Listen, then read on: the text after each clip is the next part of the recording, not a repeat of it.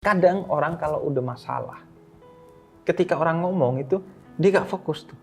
Yang penting nunggu salahnya aja. Itu ada ya Inspirasinya gitu gak ya. diambil tuh. Pokoknya salahnya di mana. Apa tuh yang salah tuh Bib kalau dalam Islam gitu? Sudah kodrat manusia itu kata Sayyidina Ali bin Abi Thalib setelah aku melanglang buana ketemu dengan banyak hal tidak ada sesuatu yang lebih mengecewakan aku dari berharap kepada manusia.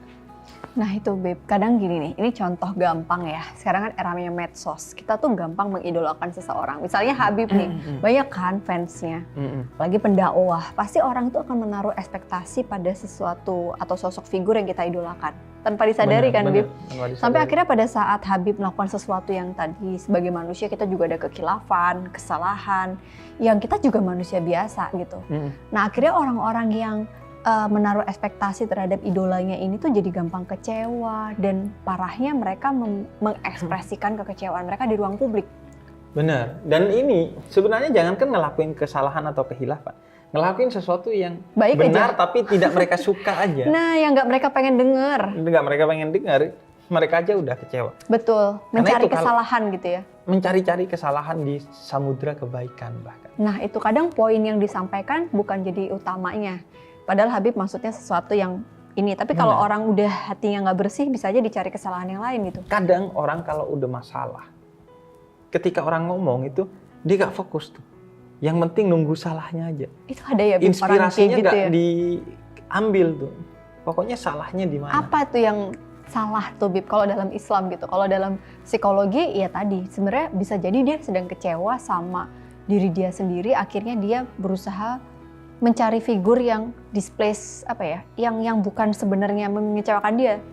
Iya. Sebagai kambing hitam lah. Iya kan. iya gitu. Kalau dalam Islam tuh Bib, gimana sih Hmm. cara kita menghadapi perasaan seperti itu? Iya sebenarnya kalau eh, kita bicara Islam, setiap kita kan sudah seharusnya eh, memberikan toleransi kepada orang. Karena manusia itu mahalul khotok wa nisyan, tempatnya salah dan lupa. Sebaik apa pun mereka kecuali Nabi Muhammad, itu pasti ada salahnya. Dan kesalahan itu bisa jadi tidak disengaja. Hmm, Sehingga kita harus memberi ruang untuk toleransi kepada orang empati. empati. Dan di luar itu, eh, kita juga harus selalu siap untuk Kecewa. kecewa kepada setiap relasi kita dengan orang lain dan ketika kita sudah kecewa, jangan kemudian mendramatisir Kekecewaan, kekecewaan kita. itu sehingga kekecewaan itu akan berlarut-larut dan yang pertama kali dirugikan dari kekecewaan itu adalah diri kita diri kita sendiri. sendiri. Jadi kalau aku rasa ekspektasi itu pasti akan terjadi dengan natural ya dalam Hmm. relasi kita. iya, Kan nggak mungkin orang tanpa ekspektasi. ekspektasi. Tapi kalau di psikologi itu kita diminta untuk memanage-nya, Oke. mengelola. Nah, Boleh punya ekspektasi, tapi kita manage. Artinya kita harus bisa siap untuk dikecewakan.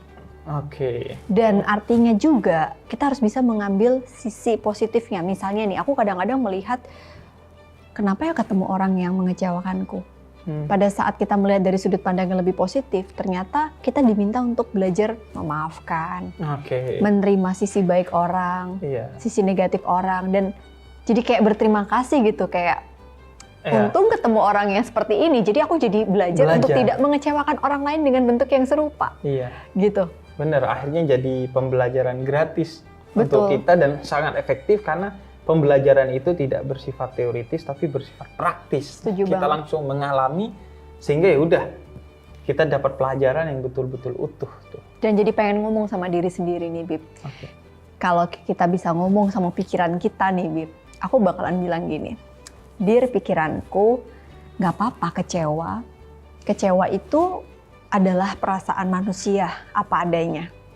Tapi bagaimana kita menerima dan mengelola kecewa itu supaya kita tidak mengecewakan manusia lainnya. Benar banget tuh. Ketika kita kecewa, maka jadikanlah kekecewaan itu menjadi motivasi Betul. untuk kita bertumbuh dan jadikan itu sebagai mata uang Mhm.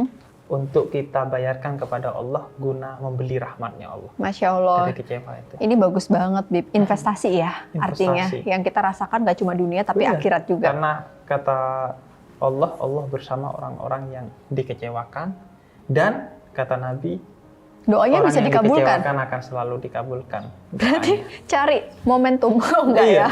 ya eh, bukan cari ya, tapi ketika momentum itu Memaknai. datang manfaatkan. Ya, memaknai ya. Aku rasa meaning of uh, semua pengalaman hidup tuh bisa membuat kita jadi manusia yang lebih baik kalau kita bisa melihat dari angle Angle yang lebih positif gitu ya.